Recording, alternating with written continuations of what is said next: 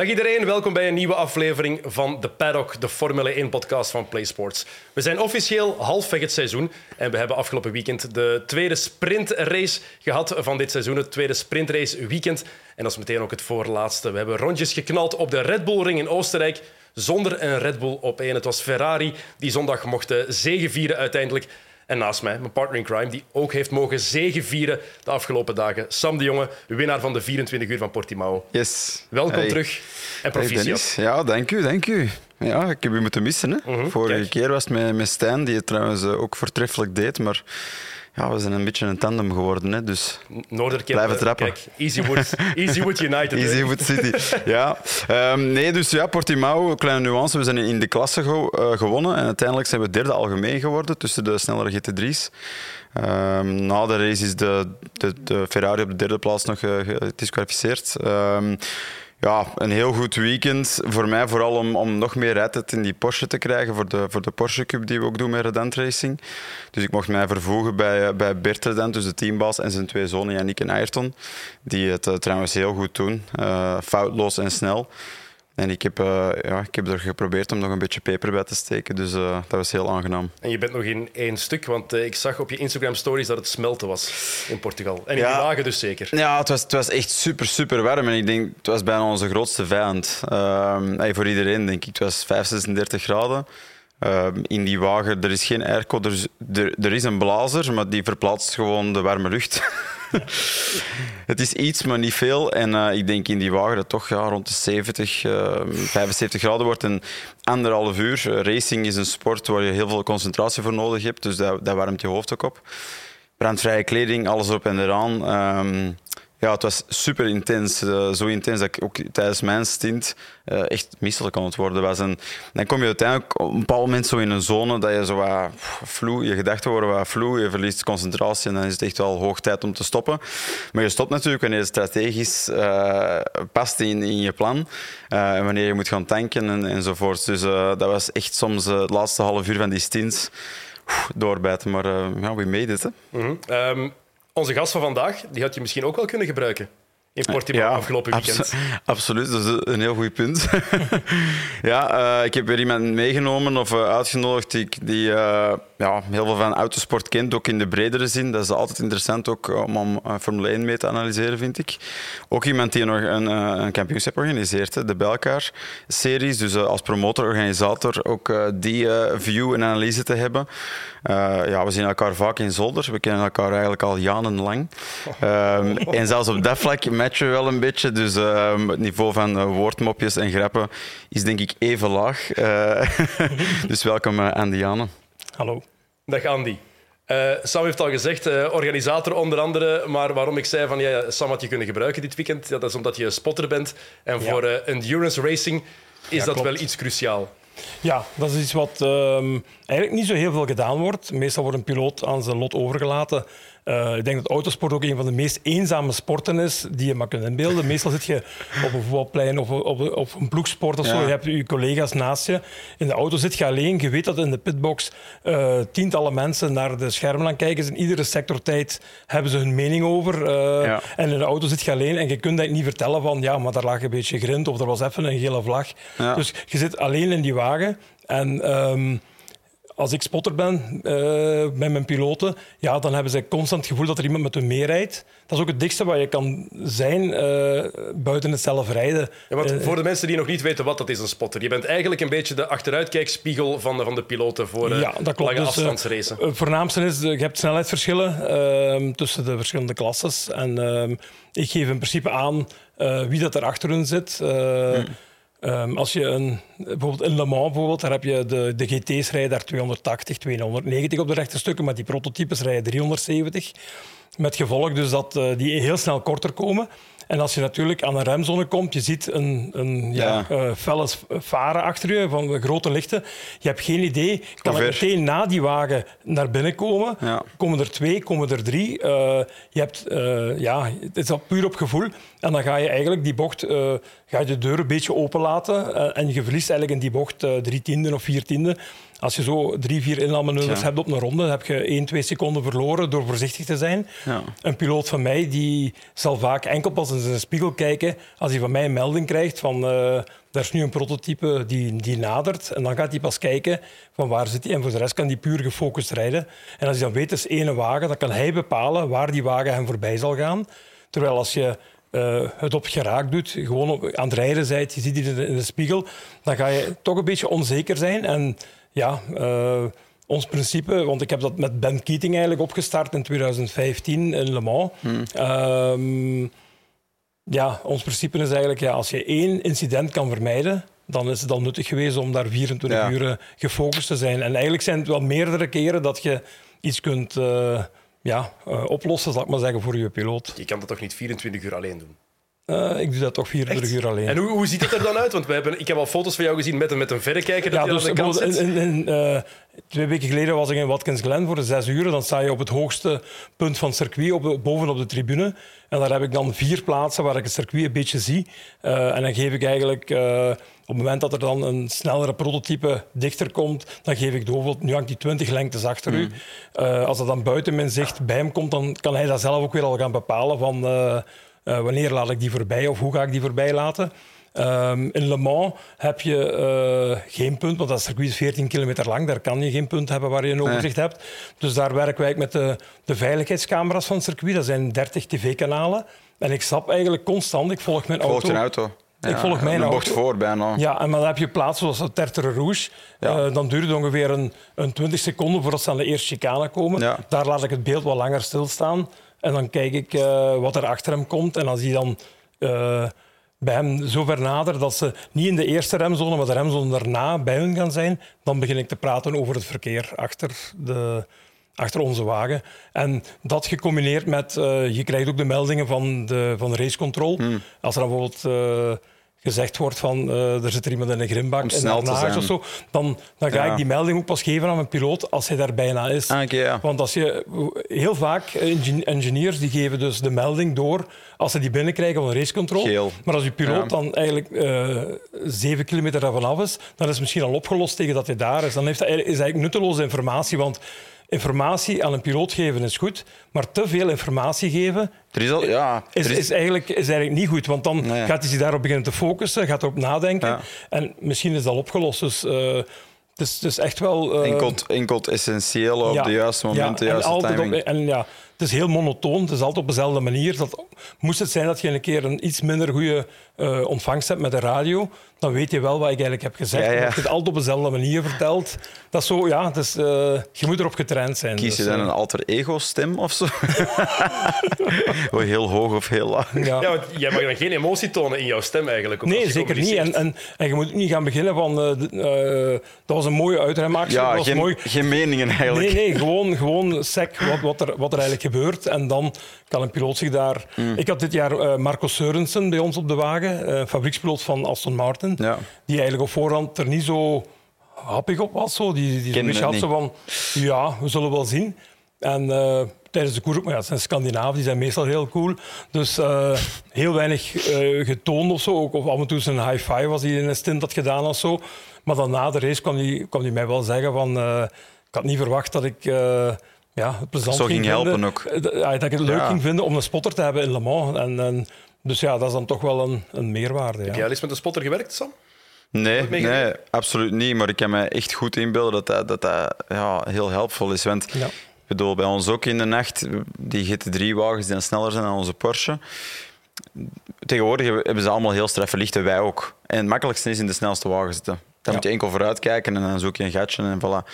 Maar als je van op afstand in de pikken donker zo'n licht ziet, dan heb je dus geen enkel idee hoe ver dat zit. Dat kan dichtbij zijn, dat kan niet dichtbij zijn, inderdaad.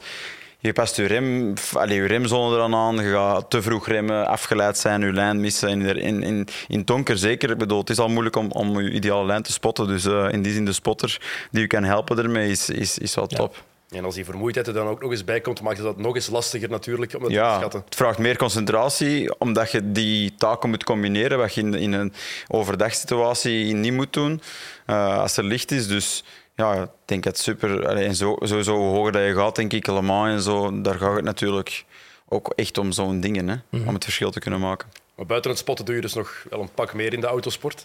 Ja, ik ben... Um ja, ik ben eigenlijk begonnen uh, als toeschouwer, zoals iedereen, denk ik. Uh, Liefhebber, ja. Ja, dan uh, ben ik, toen ik 18 was, ben ik, ben ik trackmarshal geworden. Heb ik met de blauwe en de gele vlaggen liggen zwaaien. Toen ik 22 was, heb ik mijn eerste race gereden. Die ik, toen ik uit 350 mensen gekozen was om een koers te mogen rijden en ja. zo. En zo heb ik eigenlijk alles van onderaan de ladder heb ik eigenlijk alles opgebouwd. En uh, ik heb vroeger zelf dan wat Belkar gereden. Ja. Uh, tegenwoordig ben ik coördinator van het kampioenschap. Um, uh, vroeger ging ik zelf af en toe dan eens een trackday rijden. Ik organiseer uh, sinds 2000 60, 70 trackdays per jaar op de diverse circuits. Zolder, Spa, Nürburgring, Zandvoort. Um, ja, dus eigenlijk... Uh, en hetzelfde met het spotten ook. Uh, vroeger ging ik uh, naar Daytona en dan huurde ik zo'n scanner. Ik luisterde mee wat de spotter tegen ah, ja. de piloot zei. En toen had ik altijd zo gedacht van, eigenlijk zou ik dat ook eens willen doen. En dan in 2014 ben ik dat voor de eerste keer gaan doen dan in, in Daytona met het Viper-team. Toen Mark Koolse dat trouwens reed. Um, Onze merk. En dan heb ik met Anthony Kumpen een paar titels gehaald in de Euronascar. En ja, zo is het eigenlijk altijd verder gegaan. Want in de Amerikaanse autosporten leefde dat al langer, hè, spotters Ja, vooral op, op, op ovaal um, is dat ook wel echt nodig. Ja. Bijvoorbeeld in Daytona, um, ook bij de 24 uur heb je die snelheidsverschillen ook. Ja. Maar als, als een wagen in de banking hangt, die banking is 31 graden. Ja. Als je in je linkerspiegel kijkt, zie je alleen maar asfalt. In je rechterspiegel zie je alleen lucht, want die auto hangt zo. dus je hebt totaal geen zicht waar hangt er een auto. En, en als je dan uh, aan slipstreamen bent, want dat wordt er heel veel mm. gedaan, je bent aan slipstreamen, dan moet je op het juiste moment eruit komen. Maar als dan net een snellere wagen aan de buitenkant zit, heb je, heb je drama. Hè. Dus uh, en zo assisteert je dan je piloot. Uh, ja. ja uh, en daar houd je dan, daar gaat je dus eigenlijk, uh, omdat je dan ook op het hoogste punt van het circuit ziet, je ziet daar heel de piste, daar werk je dan met, ja, DPI is de hoogste klasse daar ja. in Daytona, dan een DPI 20-back. 10 back, he's looking to your outside now. En dan weet hij, als hij now hoort, dan mag ik niet meer van mijn lijn afwijken. En, uh, maar ook als je dan aan slipstreamen bent en je zit er net voorbij, als piloot is het heel moeilijk om te beslissen, van nu ga ik terug naar beneden. Ja, als je buiten blijft rijden, dan deze legt minder meters af en op het einde van die bocht komt hij er terug naast. Dus als ik dan naar mijn piloot zeg van uh, clear, dan weet hij van nu moet ik naar beneden. En dat is soms met, met 20, 30 centimeter verschil. Je moet eigenlijk ook wel echt zoals in de rallywereld dan je moet anders gaan rijden. Hè. Je moet echt leren vertrouwen en het ook wel gewoon doen. Hè. Want je moet een stuk loslaten dat, dat klopt. de eigen. Ja, en want je hebt soms piloten die, die dat niet kunnen, die hmm. dan toch hun eigen ding blijven doen. Maar die, ja, die worden dan toch wel vaak verrast. Zo van, ah ja, nu dan, dan, dan meldt je van, is too late, hè. inside, zeg je Dan weet hij weer, Voor de volgende auto is terug bij mij. En dan gaan die wel stilletjes aan meer uh, gebruik van maken. Ook wel veel verantwoordelijkheid bij jou natuurlijk dan als spotter. Hè? Ja. dat klopt. Dus is daarom dat ik net ook zei, want dat is het dichtste wat je zelf kunt zijn bij, bij het zelf Je moet er echt mee inzitten. Ja, uh, En je kunt ook niet even zeggen van ik ga eens een uh, Facebook of een Instagram melding checken van er is een auto voorbij. Je moet echt zo, dat is toch ook wel zot vermoeiend, ja. lijkt me.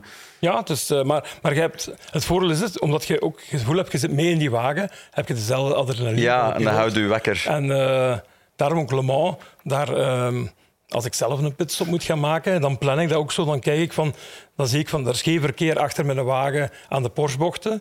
Uh, tot aan de pitlijn als hij gaat binnenkomen. dan weet ik van, nu kan ik, nu kan ik naar het toilet gaan. En, dan, ben ik, en dan zorg ik dat ik terug ben ah, als, ik de motor hoor starten van de wagen. En dan ben ik terug voor de, de pit exit clear te geven. Of, of uh, dat is zo, ja, je, moet je, daar, je zit even fel in die koers als, als die piloten eigenlijk. Dat is een magisch hulpmiddel, hè? Ja. Harry, Harry Potter. Ja.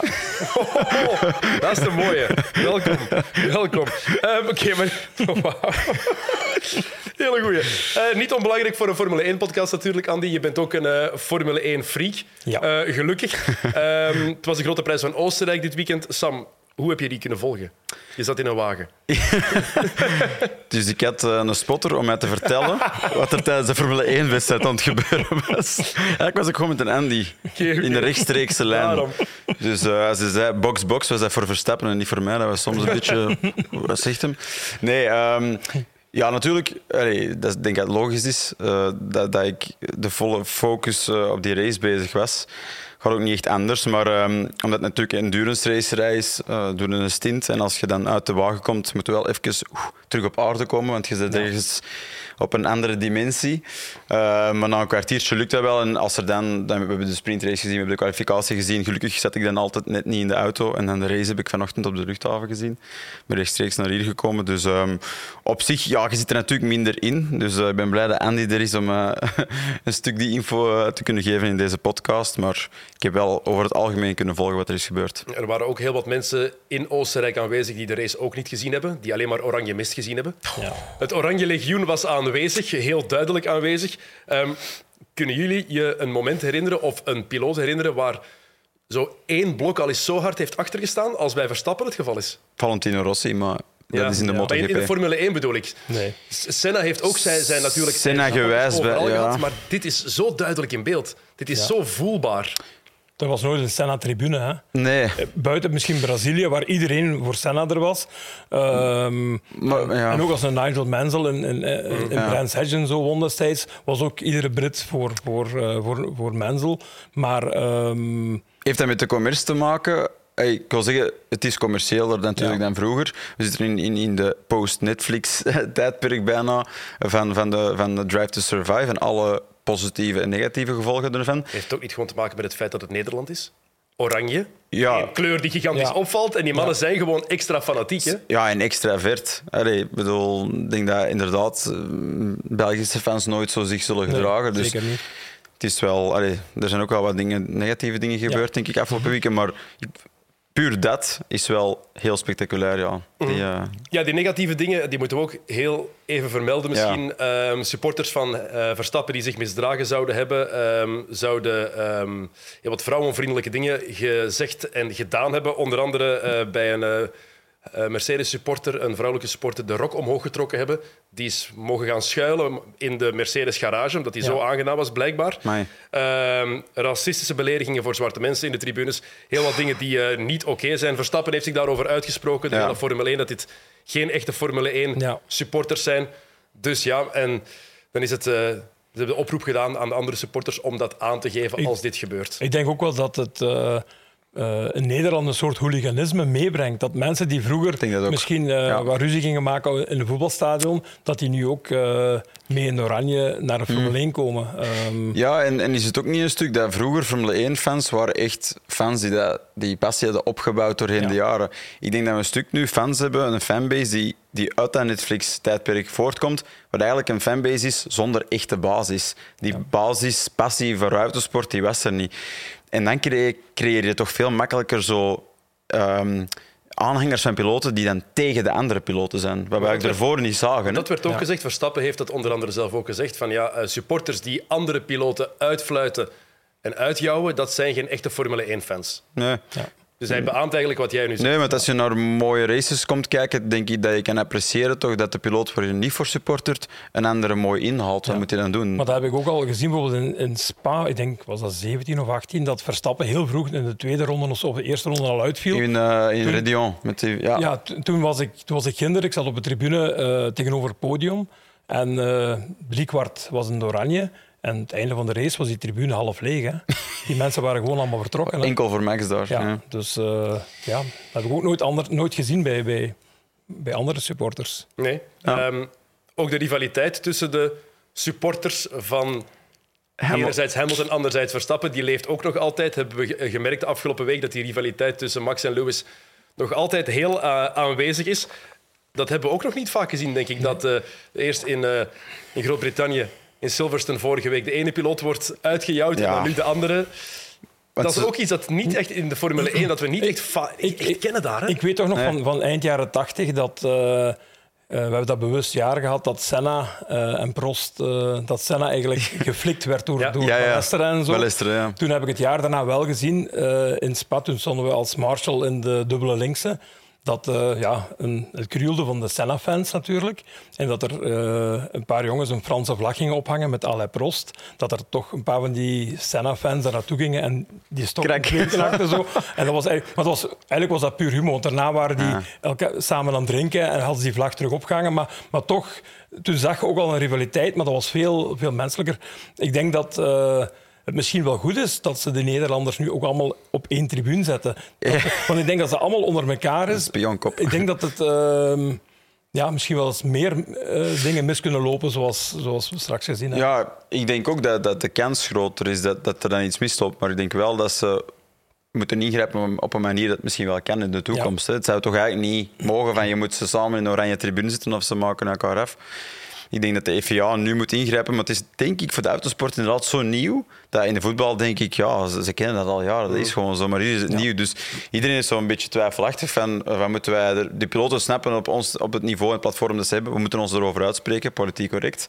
Uh, maar de FIA moet ook wel echt dingen ermee gaan doen. En ik denk dat je daar echt keihard in mocht zijn van, goed, dan mogen gewoon niet meer komen, punt. Nee, er is ook een verschil tussen natuurlijk ehm, een piloot uitjouwen en verkeerde dingen zeggen en doen. Dat Ja. zijn nog twee andere dingen. Ja, ja. Langs de andere kant, als een piloot crasht, ik vind het altijd heel dubbel om te zien dat, of te horen dat supporters dan juichen, omdat je gewoon nooit weet wat er met, die, wat er met Ja, de rijder aan maar- de hand is. Maar op het eerste moment, ik denk dat bij de meeste teams, dat, zie je dat zelfs, dat, dat er twee auto's raken elkaar, eentje gaat aan de kant, dan zie je eerst juichen. Als even daarna hun auto dan problemen heeft door die, door die tik, dan zijn ze in één keer set. Maar, maar, maar toch heb je die, die, eh, die eerste emotie, als twee wagens elkaar net even raken, eentje gaat eraf.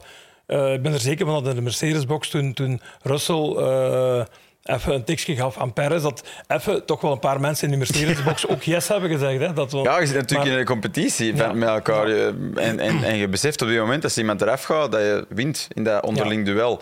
Maar als het zwaar is, dan komt natuurlijk na een paar seconden misschien wel het besef van oei, hoe, hoe, Ja. hoe erg is het. hè? Ehm, ja, de supporters van Verstappen die waren duidelijk heel blij wat er eh, vrijdagavond gebeurde in Q3 met de twee Mercedes'en. Ja. Eh, eerst met die van Hamilton, dan met die van Russell. In beide gevallen niet de fout van de piloot, zei Toto Wolff. Wat vinden jullie daarvan? Ja, ik denk dat eh, ehm, de, de Ja en nee. Mercedes, en, en, eh, Mercedes en de piloten die merken dat de kloof voor de helft gedicht is met de topwagens van Ferrari en met Ja. Red Bull. En eh, ja, nu is het een beetje alles of niks. Want we zien in de race waar dat ze een, een safe afstelling nemen, dat ze toch op 40 seconden gereden worden. Dus puur racetempo hebben Exact. ze niet. Maar in de kwalificatie zouden ze wel eens met een superronde eh, plaats 3 kunnen zitten. Of tussen de Ferraris of tussen de Red Bulls ingeraken. En dan ligt het daar. Hè. En dan, en dan wordt er waarschijnlijk samen met de piloten en de teamchef eh, en de engineers gekozen voor een heel agressieve afstelling. En als die werkt, dan staan ze misschien op 0,2 seconden op plaats 3. Als het niet werkt, dan, dan hangen ze het decor. En, ehm, Ja, ja, ik denk dat het de juiste analyse is, dat het puur is van het gevoel dat ze dichter komen. Ze komen ook dichter. Hè. Ik bedoel, ik denk dat het begin seizoen, van het seizoen een seconde was, dan naar de 18e. Ik denk dat ze realistisch misschien op een halve seconde zitten nu.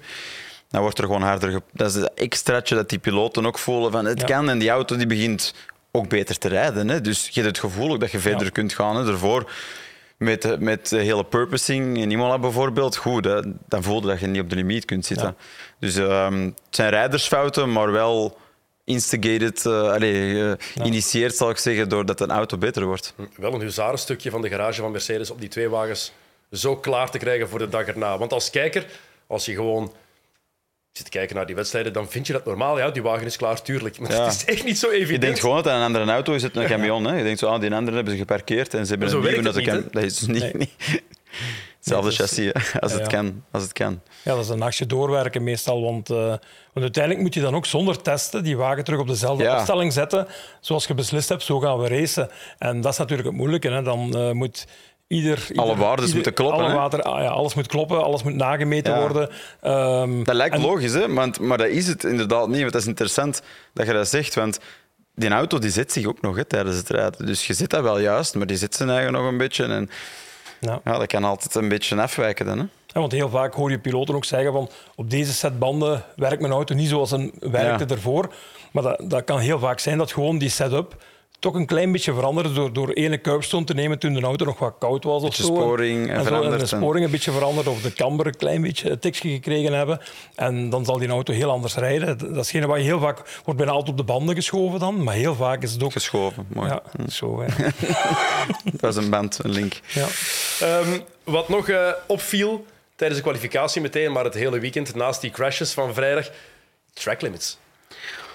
Dit was eh, het weekend van de track limits. Ik denk niet dat we al zoveel waarschuwingen hebben gehad eh, dit seizoen. Ik ben er eigenlijk zeker van dat we dat nog niet zo vaak hebben gezien als het afgelopen weekend. Het was op de limiet rijden voor iedereen, maar iedereen is er ook letterlijk over gegaan. Ja. Omdat ze niet anders konden.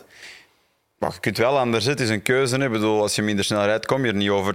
Er is een verschil tussen circu- circuits die het meer en minder of minder uitlokken. Ja. En dit is een circuit dat uitlokt om het te doen. Er is Waar- ook heel waarom, veel... waarom is het daar zo moeilijk om effectief binnen te Dat blijven? gaat, dat gaat echt over de vorm van een bocht en de snelheid dat je meepakt. En het feit dat er geen, geen gravel ligt, maar tarmac op de exit. En je weet ergens dat je kan proberen van...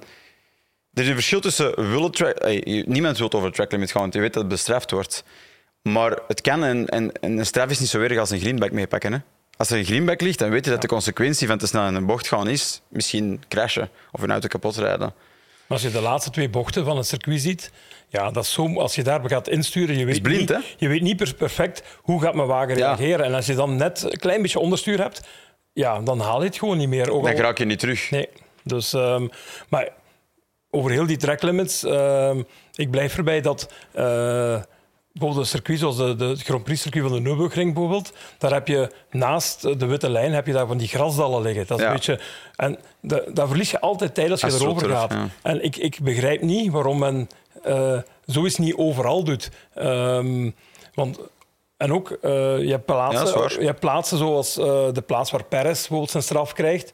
Ja, ehm, als je de witte lijn hebt, je hebt rood-witte borduur, nog een beetje groene asfalt achter en dan begint de grimbak. Ja, zorg er gewoon voor dat het stuk tot aan de grimbak niet breder is als de wagen breed is. Dat als een, wagen met zijn linkerwielen dan over die eh, witte lijn gaat, dat je bij rechterwiel ook in het grind zit. Maar dan maken ze sommige borduurs eigenlijk zo breed Hmm. dat, dat men nog tracklimits kan, kan eh, een fout maken tegen de tracklimits. Ja. Terwijl het eigenlijk op andere plaatsen, zoals het uitkomen op bocht 4, ja, als je daar bij je rechterwiel naast de witte lijn zit, je links in het grind. Hè. En, en dan, daar, kan, daar kan dat niet gebeuren. Dus ik vind...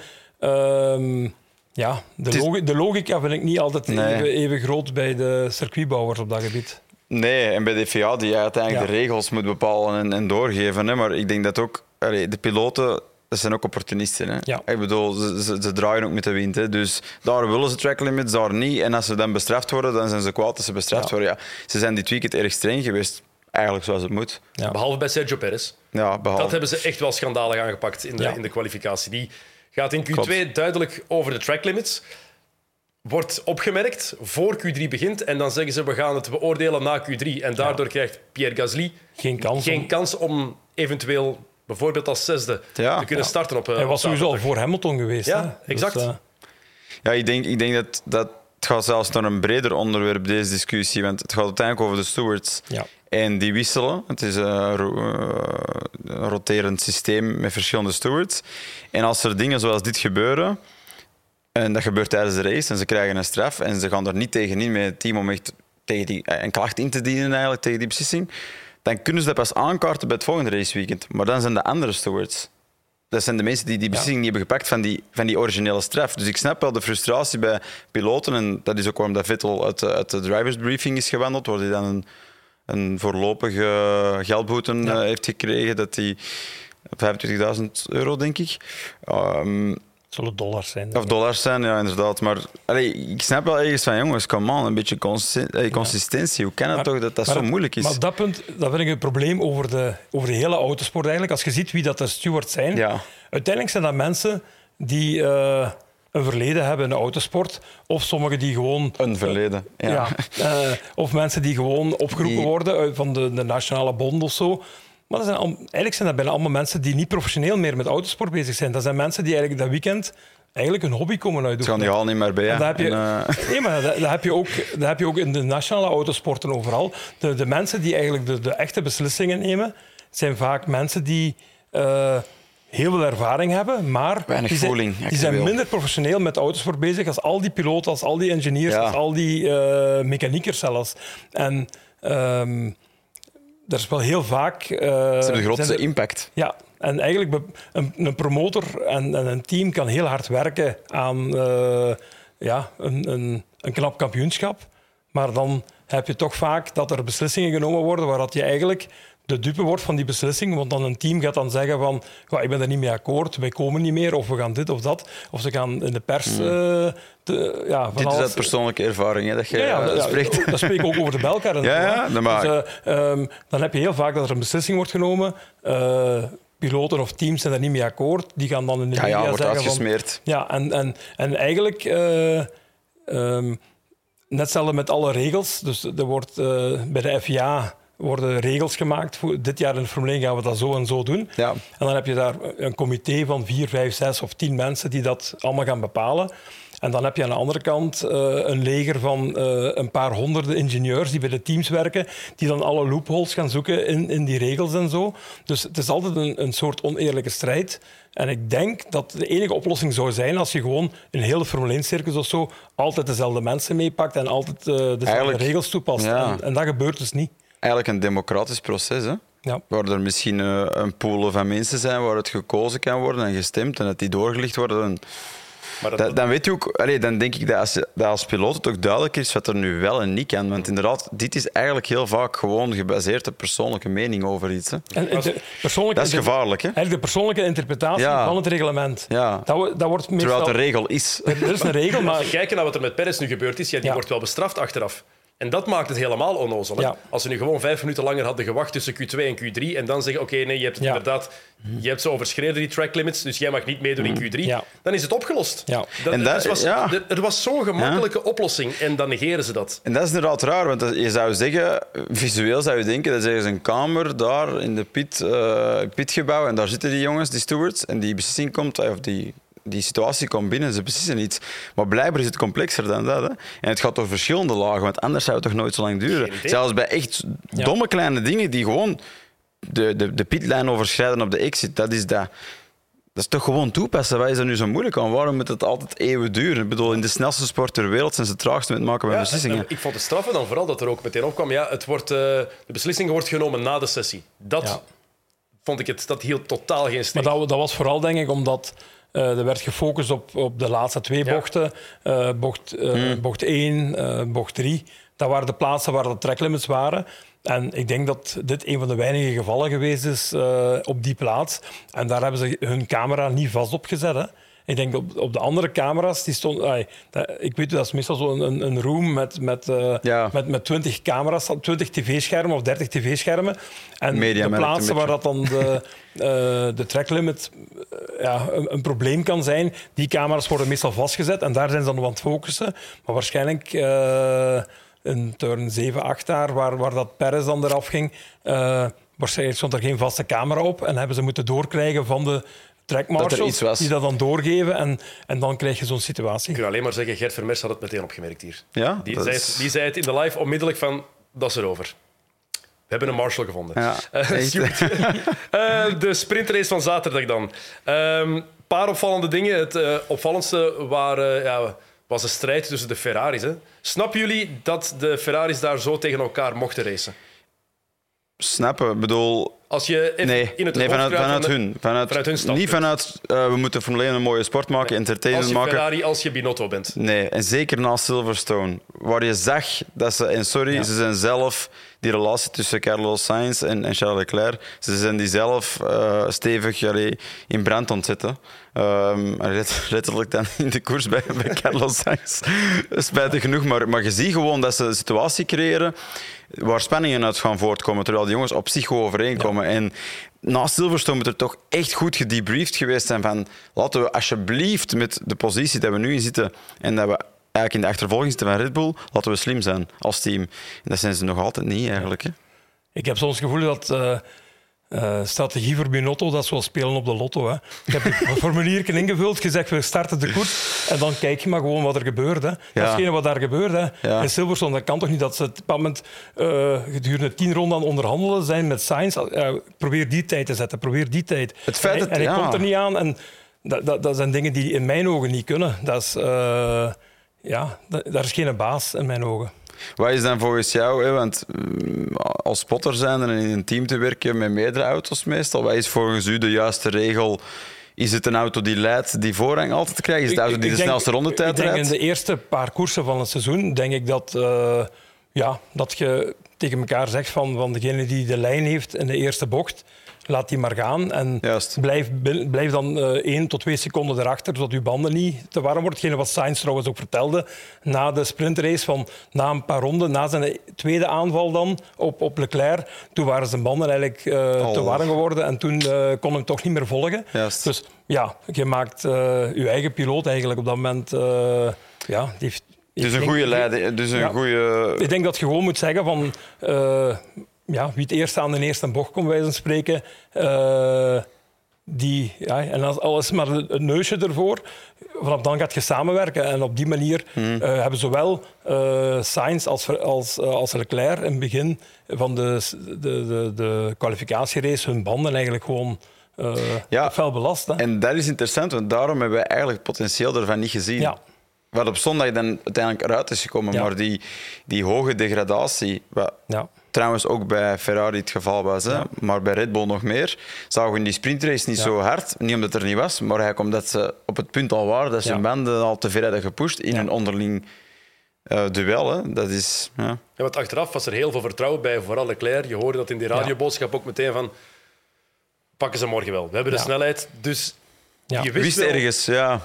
Ja. Die wist dat het die wagen wel goed was. Want we mogen ook niet vergeten dat de kwalificatierace dat ze ook maar een derde van de benzine mee hadden. Ja. En eigenlijk het gewicht hadden van het einde van de race eh, van zondag. En dat is de grootste factor, En- en we de dat- grote Dat factoren. Max eigenlijk op, op, op eh, zaterdag 24 ronden gewoon kan rijden met zijn banden. Wel aan klagen was op het einde over de banden.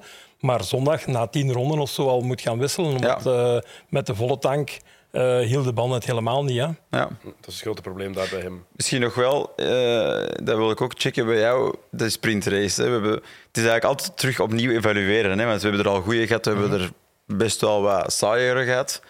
Wat is nu, wat is nu onze, onze conclusie na x aantal sprintweekends? Is, is, het- is het, draagt het bij tot de Formule 1 of niet? Ik vind het niet. Totaal niet. Omdat ehm, het enige wat er gebeurt is mensen die foutjes maken, zoals Perez dan met zijn tracklimits, ja, die kan het dan wel rechtzetten tegen zondag om toch van op plaats 5 te starten. Maar voor de rest, ehm ah, ik moet zeggen, eh, zijn, ja, ik vind het totaal geen meerwaarde. Nee. Omdat je ook weet dat er ook heel weinig piloten risico's gaan Voilà. nemen Ja. op zo'n zaterdag. Hè? Ja. In die sprintrace, of in de sprint zoals we dat nu Ja. officieel moeten noemen. Ze gaan hun wedstrijd van zondag niet in gevaar brengen. Dan liever dus op zondag een laat, lager starten, Ja. om dan in te Ja. halen, omdat je toch ja, Mooi- nu mooiste voorbeeld- 72 Het ronden mooiste voorbeeld is Hamilton geweest. Hè? Dus op zaterdag blijft hij constant vastzitten achter de twee, de twee Haas. Ja, Eh, heeft van. Schumacher wel een tijd voorbij gegaan. Maar eh, en op zondag rijdt hij vlot naar plaats drie uiteindelijk. Eh, daar neemt hij dan toch waarschijnlijk meer risico's en, Mhm. en eh, gaat hij meer op de limiet rijden om die wagens voorbij te gaan. Ja, Schumacher was wel niet tevreden hè, na de sprint. Was eh, heel duidelijk daarover. Ehm, blijkbaar had hij ook de snelheid om Magnussen voorbij te gaan. Had hij dat ook gevraagd aan het team, maar hij mocht hem niet passeren. Ja. Ja, ik Van denk- Steiner. ik, ik, Blijkbaar. Ik vind dat op zich wel juist van Steiner. En, en ik denk dat dat is hetgeen dat Ferrari niet doet. Hè. Ehm, Als je in een goede positie komt als team en de twee wagens zitten daar en je hebt echt kans om te scoren, het gaat uiteindelijk om zondag. Hè. En, en in die sprintrace, dan moet je dat gewoon nemen. En zeker als haast zijnde, als je zo'n goed weekend hebt, dan ga je gewoon het risico niet nemen. En langs de andere kant, Mick is aan een hele goede run bezig, de laatste raceweekends. Hij is zijn positie aan het establishen binnen dat team. Maar stap voor stap, hè. hij is er ook nog niet. Hè. Dus je kunt niet ineens, omdat je twee weekends rap bent, gaan claimen van zeg, hey, eh, Ja. Magnussen, ga eens aan de kant, ik wil door. Dus ik vind dat een logisch en natuurlijk proces. Hij is respect aan het winnen. En... Maar je ziet wel, het, het spel dat Magnussen speelt dan, ehm, die heeft een bepaald moment wel toen Mick vroeg van eh, laat, laat Kevin afzakken dat ik binnen de DRS blijf. Toen, heeft, toen heeft Magnussen nog even bijgegeven. Hè? Ja, ja, ja. Om te laten, zo, los het maar op Ja, daarachter. zei ze hè. niet Ja. van ja, de boodschap eh, kwam te laat. Toen was ik al, toen was ik al weg. Ja, maar, maar die boodschap kan komen wanneer wil. Iemand als Magnussen zal daar niet op... eh, Maar voilà, plus, allez, natuurlijk, Kevin heeft door van Mick, Mick Ja. is zichzelf aan, het, eh, aan, het, aan, het, aan het opwerken in dat team. Dus dat is ergens bedreigend natuurlijk voor hem. Hè. Ja, zeker als je kijkt naar zondag. Zesde plaats. Ja, Ja. absoluut. Beste resultaat uit zijn carrière. Ja. Beter dan Magnussen. Ja. En dat kan alleen maar voor vertrouwen zorgen, zorgen bij die gast. Het is, het is geen Max Verstappen. Het is geen, geen, geen natuurtalent zoals zijn vader bijvoorbeeld was. Het is wel een steengoede piloot. Ja, En en natuurtalent bedoel ik mee als Ja, potentieel maar, wereldkampioen. maar Michael Schumacher was eigenlijk ook een, gewoon een hele harde werker. Hè? Die was ook altijd bezig. En of dat hij meer talent had of niet, ik denk, ik denk dat ook. Ik denk dat het pure rauwe talent eh, iets groter was. Maar ik apprecieer het feit bij Mick dat hij, dat hij heeft dezelfde werkethiek hè? Die blijft met zijn voetjes op de grond. Die weet gewoon van, kijk, in Formule 1 kan je ook ver komen als je slim bent. En als je hard werkt en, en mensen voor u wint. En hij lijkt ook echt wel oprecht, niet enkel door zijn achternaam, geapprecieerd binnen dat team en binnen de Formule 1. En ik denk dat dat heel hard kan helpen. Vriendelijke mens ook, hè. Als je hem hoort praten, Ja. altijd schappelijk. En als je hem ziet rijden ook, want jij zei dat dit weekend ook af en toe, Andy, van ja, hij is te veel gentleman misschien wel in de Ja, hij wagen is een paar keer te braaf geweest, denk ik zo. Hmm. Ehm, maar eh, ja, maar hij, heeft- hij weet ook wel dat hij nood heeft aan, aan resultaten. Hij mag Ja. niet in alles of niks spelen als hij voor plaats... Als hij zesde hangt en hij kan vijfde worden en je doet een alles of niks poging met eh, een, een sortie, zal ik maar zeggen, is niemand eh, geholpen. Hè? Dus hij, hij beseft goed genoeg nu van... Nu moet hij het gaan afmaken, want... eh, de crashes die hij al heeft gehad, daar, zoals in Saoedi-Arabië en zo, Ja, dat- Monaco. ja, Monaco, dat, ja. dat moet hij dus echt allemaal vermijden. Hè? Want eh, als hij nog zo één ja. of twee keer crasht, de mensen herinneren enkel die crashes. Hè? Ze herinneren niet die, die Ja. paar goede resultaten. Hè? Absoluut. Maar ik vind het op zich knap dat als je daaruit kan verder komen, op het moment wanneer de druk het grootste wordt, ook van het team van jongen, Ja. nu moet je echt wel stoppen met crashen, want onze budgetcap. Het feit dat je dan daar beter uitkomt, dat vind ik het signaal van iemand die, die Ja. Mhm. goed is en slim is en die het, die het kan managen. Hè, want Het is ook sindsdien, sinds dat Steiner gezegd heeft dat Ja. het is genoeg geweest, Heeft is hij ook effectief beter geworden. Dat is Ja. maar- Maar heel vaak, eh, dat gaat Sam zeker kunnen beamen, als je net iets minder pusht, kom je vaak veel verder. Ja. Want, want eh, als, je net, als je net over de limiet gaat en je hebt drie bochten waar je een klein beetje onderstuur of overstuur hebt gehad, en had in iedere bocht 3% minder of 2% minder gegeven, had je vroeger op een gas kunnen gaan en eh, had je veel hogere topsnelheid op het einde van het rechtstuk gehad. Dus heel vaak, ik denk dat dat het probleem was bij Mick. Dat is de mental game echt van Ja. autosport. Hè. Dat je voelt als je grip hebt dan vooraan op de voorkant, dan wil je die ook gebruiken. Het ding is, ja, hoe sneller dat je in de bocht gaat, hoe later dat je naar gas kan. Want je kan niet en heel hard erin Ja. en heel hard eruit. Dus het is ergens moet je kiezen. Maar ja, de term overdriven, hè, overdrijven eigenlijk. Ja. Hè. Als je dat gaat doen, dat werkt in de meeste raceauto's inderdaad totaal niet. Eén puntje van kritiek dat jij wel had op eh, Schumacher dit weekend, dat hij te veel van zijn lijn afwijkt als hij aan het remmen is. Ja, dat heeft hij dus een paar fake keer gedaan. Dus hij, overtaking, hij, of- gaat voor, nee, hij, hij, hij gaat voorbij iemand en nog net voordat je dan aan de volgende bocht komt, doet hij even dit. Hij pitst de mannen Ah, dan eigenlijk links op de borduur. Iets wat eh, door, geen spotter. door, door, Max, ja, maar door Max Verstappen eh, is die regel destijds gekomen. Hè? Ja, ja, ja. Terwijl, Max deed dat toen nog, ik weet nog, in Hongarije is dat ooit geweest, dat hij daar een bocht 2 eigenlijk helemaal van richting veranderde, alles dichtgooide en zo. En daarna hebben ze toen die, die regel aangepast. lijn dat moet je aanhouden. in de remzone blijf je op je lijn. En, ehm, maar we hebben dat Lewis ook zien doen hè, zondag. Hè. Dus ook eh, dat de wagen er nog naast zit en toch al de bocht ruim aansnijden. Dus, ehm, Ook dat blijft toch een discussiepunt. Hè? Ja. Als, we, als we zagen ehm Perez bij Russell zeker, die rondging in de Ja. greenback. Ja, bedoel, de regel is dan dat als je er voorbij zit met x aantal lengte voor de apex, of als, je bij de apex komt, dan heb je het inhaalmanoeuvre afgewerkt. Natuurlijk, dat, in, op, in theorie klopt dat, maar in de praktijk niet per nee, se. ik, ik ben van mening van op het moment dat er eh, een wagen zit, al is het, het, het, het tupje van de neus naast het achterwiel, op dat moment moet je twee meter... Moet er ruimte zijn. Moet er twee meter of twee meter en Ja. een half plaats gelaten worden. Zo Absoluut. simpel is het. En eh, de meeste mensen waren nu ook van mening dat, dat de straf voor Russell een beetje onterecht was, want Perez kon nog meer naar links. Maar ik heb dan wel straks ook nog, nog een foto gezien of zo ergens, ehm, waar je toch ziet dat de Ferrari die voor hem rijdt, meer rechts van de baan zit dan, dan Russell Dus. Dus Russell heeft eigenlijk toch een klein beetje de lijn van de Ferrari voor hem verloren. Ja. En, en daardoor is, is die aanrijding er gekomen met, met, eh, met Perez. En, ehm, Dus je vond Maar- die straf voor Russell uiteindelijk wel terecht. als ik achteraf zie, eh, de lijn die de Ferrari voor hem rijdt, die eigenlijk gewoon de ideale lijn rijdt, en de lijn van Russell, heeft Russell toch wel een klein beetje de Tuurlijk. te vroeg naar buiten laten gaan. Ook in de hoop dat, eh dat Perez van het gas zou gaan. Hè. Maar ja, plus de hoek waarmee hij de bocht begint is veel krapper Ja. voor Russell. Want hij Ja. begint aan de binnenkant. Dus die kan niet dan de beetje- snelheid aanhouden en Nee. dan even hard aan de binnenkant blijven. Die snelheid Ja. duwt je naar buiten. Dan is het inderdaad de verantwoordelijkheid van hem om dat te managen en te, extra te vertragen. Maar hij pakte ook nog eens de curb langs binnen. Hij sprong ook nog eens een meter meer naar links. Ik vind het is een super moeilijke, genuanceerde discussie. Ja. Eh, want allee, ik vond wel, het was absoluut niet mee opzet.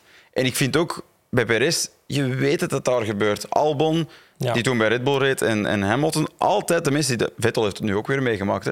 Je probeert er langs de buitenkant te gaan, er is gewoon geen plek. Eh, je moet al vroeger in de remzone verder zijn om dat te doen werken. Ja. Ehm, dus ik, ik vind het een gedeelde verantwoordelijkheid van... Je kan Russell de straf geven, maar je kan ook zeggen tegen Perez, je moet slimmer zijn dan dat. Ja. Ja. Moeilijk. Moeilijk. Dus als jij steward was geweest, geef je een straf aan Russell? Geef je een straf ik, aan ik heb het misschien Perez niet in zo'n detail race- kunnen ik- bekijken ik- als Andy. Ik, ik, ik zou de racing incident noemen, Ja. maar als er iemand de schuld heeft, ligt het wel meer bij Russell, omdat hij zijn lijn niet kan houden. Je zou, voilà, je zou ergens Ja. een waarschuwing kunnen geven Ja. met die uitleg. Ja. Maar ik vind wel dat, alsjeblieft dat, dat, dat stevig, dat, dat al balls out racen wel, wel Ja. motiveren bij die piloten. hè. Dat maakt het toch zo mooi. Russell die was niet blij met de snelheid van zijn wagen, eh, had hij ook laten, laten merken. Nochtans, Mercedes, geen slechte zondag gehad. Hè. Hamilton voor de derde keer op rij op het podium. Ja. Ehm, ook al, zijn interview was wel tof achteraf in de persconferentie van ja... Ik reed redelijk eenzaam rond. Ik heb op de rechte stukken op het scherm kunnen zien hoe de strijd was tussen, tussen Verstappen en tussen, en tussen Leclerc.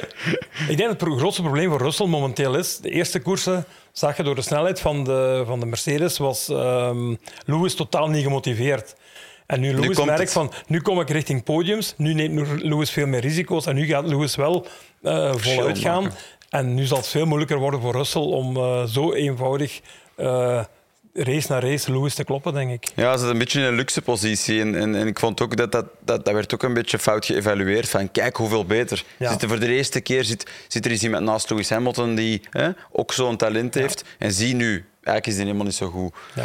Ja, ik blijf dat Hij- heel hij- vermoeiende hij is- discussies hij is vinden. heel goed. Hij is heel goed. Ja. Maar hij is ook inderdaad iemand, en dat hebben we vorig jaar ook gezegd, dat is iemand die dat extra laagje van ultra goed zijn, dat krijgt hij enkel als hij in de positie zit wanneer het hem echt erom moet vechten en dat er een kans is. En hij voelde die kans gewoon niet tot eigenlijk de laatste twee, drie Ja, we races. hebben dat een paar jaar geleden nog gezien. Als Lewis een slechte kwalificatie reed, dan vocht hij zelfs niet in de races. Hè. En eh, nu dit jaar, in het begin van het jaar, was het race na race. En er was iedere keer drie, vier, vijf plaatsen Ja. achter, achter Russell op de grid. En dan was er ook helemaal geen agressieve Lewis in de gevechten. Hè. Mhm. Eh, heeft natuurlijk niet kunnen meedoen voor de overwinning. Eh, het was Leclerc tegen Verstappen. Zaterdag Verstappen. Met tussen aanhalingstekens sprekend gemak. Ja. Eh, onder andere geholpen dankzij de strijd tussen de twee Ferraris. Op zondag het tegenovergestelde. Leclerc heeft Verstappen drie keer moeten inhalen. En drie keer is dat eigenlijk zonder veel moeite gelukt. Ja. Ja, natuurlijk. Ik denk dat, dat, zowel Red Bull als Ferrari vrij snel door hadden dat, dat er één hoge degradatie was van de banden. Ehm, en ten tweede wisten ze van zichzelf, denk ik, bij Ferrari dat ze langer konden gaan dan de stint konden ze gewoon rekken. En vanaf dan komt er natuurlijk een vertrouwen van oké, we hebben de race misschien wel in handen, dan moet je misschien drie keer er voorbij. Maar je weet dat die band blijft. En je kunt dat tempo aanhouden. Voor mij was het puur een race dat gereden is op degradatie, niet op ander strategisch vlak. Maar toch drie, vier jaar geleden zou Max constant de deur hebben dichtgehouden. En proberen zelfs eh, bijvoorbeeld in bocht 4 eh Leclerc langs de buitenkant te laten gaan. En dan ook een beetje Ja. zo hetgene wat er nu gebeurt met Perez en, en Russell. Dat zou Max drie, vier jaar geleden constant geprobeerd hebben. Nu, Alles of niks. ja, nu is Max met, met zijn voorsprong in het kampioenschap, weet hij van. Als ik de komende zeven koersen tweede ben achter Leclerc, Mm. sta ik nog op kop waarschijnlijk. Hè. Het, zal, het zal heel nip zijn, maar dan, hè, als, je, als je een paar puntjes kunt, Ja. als je maar zeven punten kunt verliezen eigenlijk op.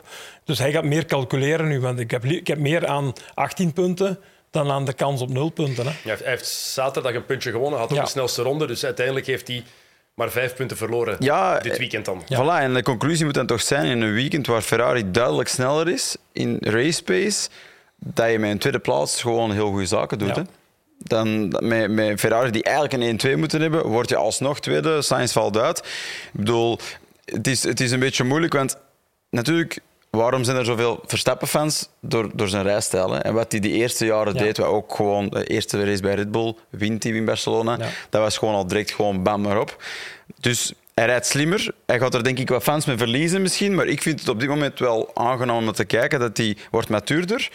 En die, die, die rust en die controle Ja. in Canada ook. Ik bedoel, gewoon, dat is echt iets dat ik bij hem in de karting ook zag op een bepaald moment.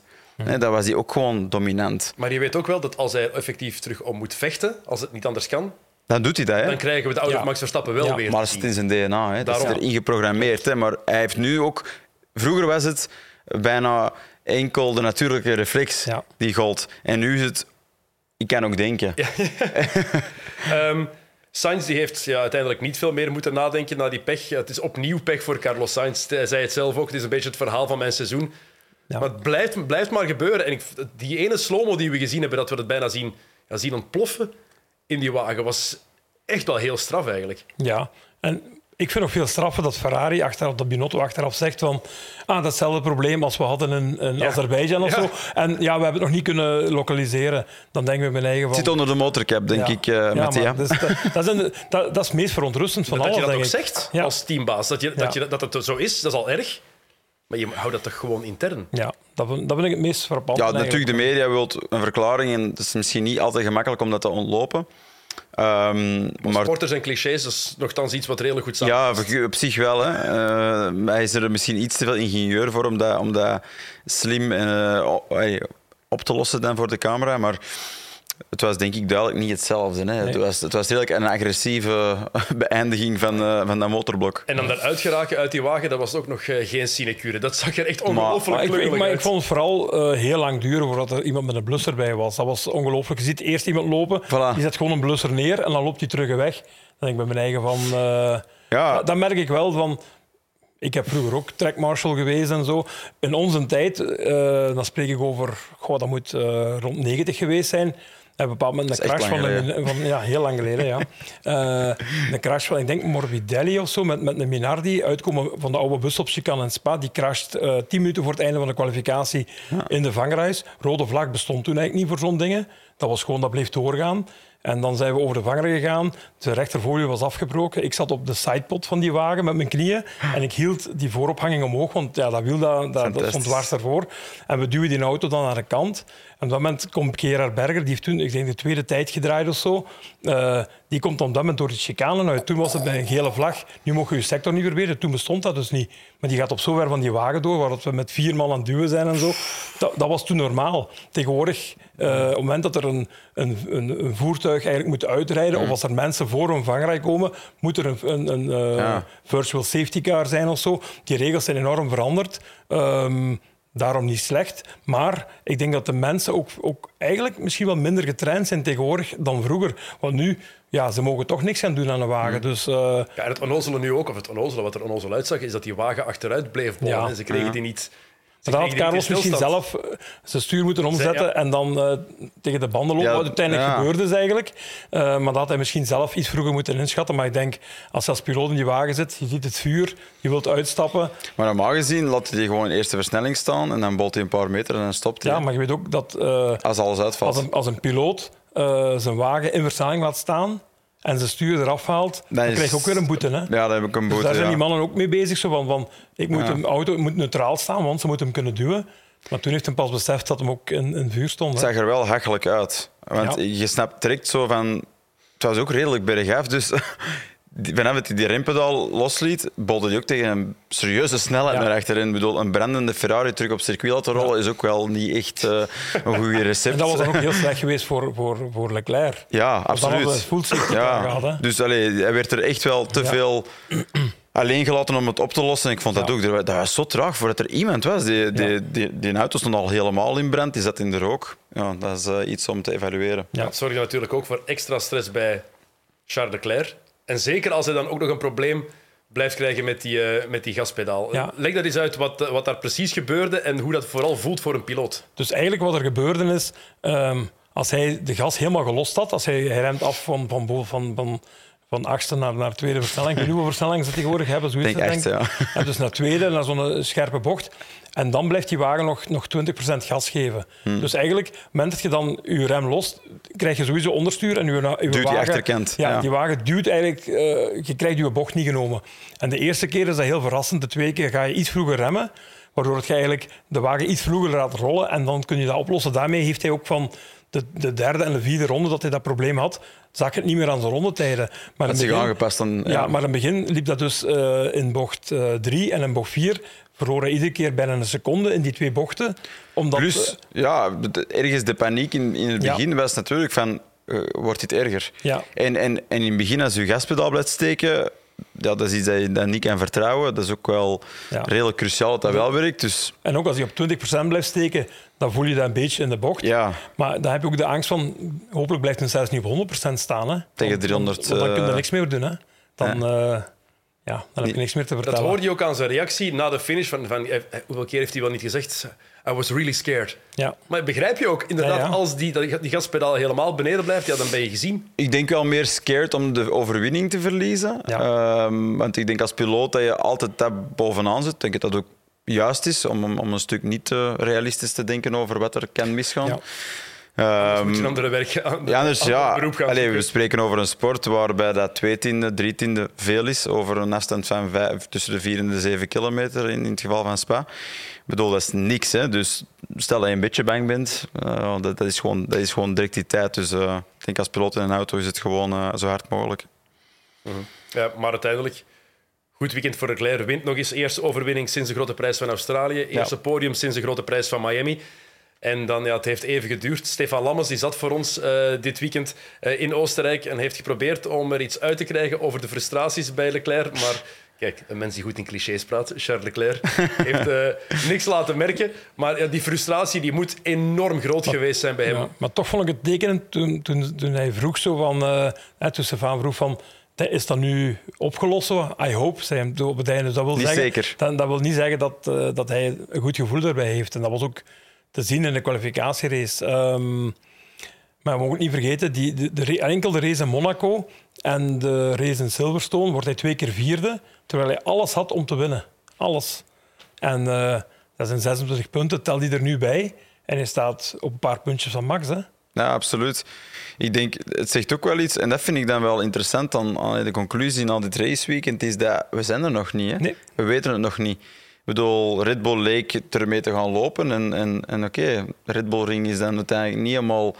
eh, hebben ze niet helemaal naar hun hand kunnen zitten. Dus dat vind ik op zich heel positief voor dat kampioenschap. Het kan nog alle kanten uitgaan. En ik denk die betrouwbaarheid... We zitten ergens in een fase van de nieuwe auto's. Dat het logisch is dat de performance nog een beetje wordt opgeschroefd. En dat er ergens onzekerheid is of dat die auto's het aan- gaan aankunnen in die motoren. We zijn er nog niet, maar we zijn wel al halfweg het seizoen. En zeker nadat er Ja. opnieuw problemen waren bij een wagen van Sainz, kon hij zelf niks aan doen, maar wel opnieuw problemen. Wat we zaterdag gezien hebben, gaan we nu toch gewoon niet meer zien bij Ferrari. Die twee rode wagens die zo tegen elkaar strijden. Ik weet nu het niet. moeten ze toch Ik een beslissing nemen. Ik, ik- we, hebben, we hebben gezien wat, dat Silverstone. Pe- Pe- Perez moet aan de kant voor Max. Zo simpel is het. Ja, Eh, daarom. En, en ik denk dat eh, Ferrari moet die beslissing ook stilaan nemen. Ja. Ehm, hoe, lang, hoe lang kan je daar nog mee wachten om die beslissing te nemen? Het is al bijna te laat. hè, En dat is wat we er net ook aanhaalden van die relatie tussen de twee piloten. Wat cruciaal is voor een team. En zeker als je zo vooraan zit. Allee, het gebeurt ook meestal als je zo vooraan zit. Hè, want dan is de spanning natuurlijk... Dan gaat het om de overwinning. Maar ze hebben het al uit de hand laten lopen. En dan wordt de focus van de piloot meer de andere kloppen dan het is om het team te helpen. En dat is Ja. zo dodelijk als je een kampioenschap wilt winnen. Dus ik bedoel, voor mij is het is, is met die Benotto al te laat ermee. Maar als die nu niks doet, eh, het gaat gewoon escaleren. ja, maar we zien het bij meer teams. Hè. Ja, we zien de situatie Kevin Magnussen en, en Mick Schumacher. Eh, Alonso en Ocon zijn constant eigenlijk Ja. aan het discussiëren uiteindelijk. Eh, en, en zelfs dit weekend, Ricciardo heeft een heel slecht begin van het seizoen meegemaakt. Maar die was ook na een paar ronden aan, aan het oproepen van... Ja. Ik ben rapper als Lando. Hè. En, en uiteindelijk loopt Lando daarna nog heel veel weg van hem. Maar toch heeft Ricciardo ook even eh, gebruik gemaakt van, eh, van de radio. Van, eh, als, hij Trouwens- niet, als hij niet rapper kan, Ja, ja. laat mij dan gaan. Hè. Ja, in de dat positie dat hij zit, nu niet helemaal Nee, klopt. Maar, maar is probeert om, zichzelf te redden. Hè. om zichzelf te redden, absoluut. Maar dat is, dat is toch misschien ook wel een interessante om nog even aan te raken. Ricciardo, hè. Wat, wat, wat gaat ermee gebeuren? Hè? Het blijft niet lukken. Eh, we dachten heel even de laatste race van, ah, hij is dichter gekomen, maar valt dan nu weer een beetje door de mand. Ik las straks dat Colton Herta... Gisteren? Deze, ah, die mag, Ja, we waren in Portimao, Ja. dus we zagen die Formule 1 eh, trailer van McLaren. Dus ja, ook van, ah, we hebben dat een in-season test. Ja. En dan eh, Ayrton, mijn teamgenoot en de, en de fotograaf, zijn gaan kijken. Ze, ze konden even kijken, het is een auto van vorig jaar waar ze mee mogen testen. En dus Colton Hurta, die in de IndyCar eh, Ja. indruk maakt. Heel goede piloot. Ja, heel goede piloot. En die, die zal twee dagen nu testen. Dus eh, vandaag en morgen eh, op Portimao. Om, ja, dat, is, dat, is, dat is toch een heel duidelijk assessment. Hè. Zoiets Ja, ja. doen Een ze. teken aan de wand. Dat is niet geld gewoon Nee, nee, in de. Portugese zandbak gaan gooien. Dat is met reden. Hè. Ja. Nog één ding dat ik had opgeschreven had over het afgelopen weekend, of twee dingen. Eén, af en toe heel close racing, leuk om te zien. Op een gegeven moment zagen we weer vijf wagens met elkaar strijden.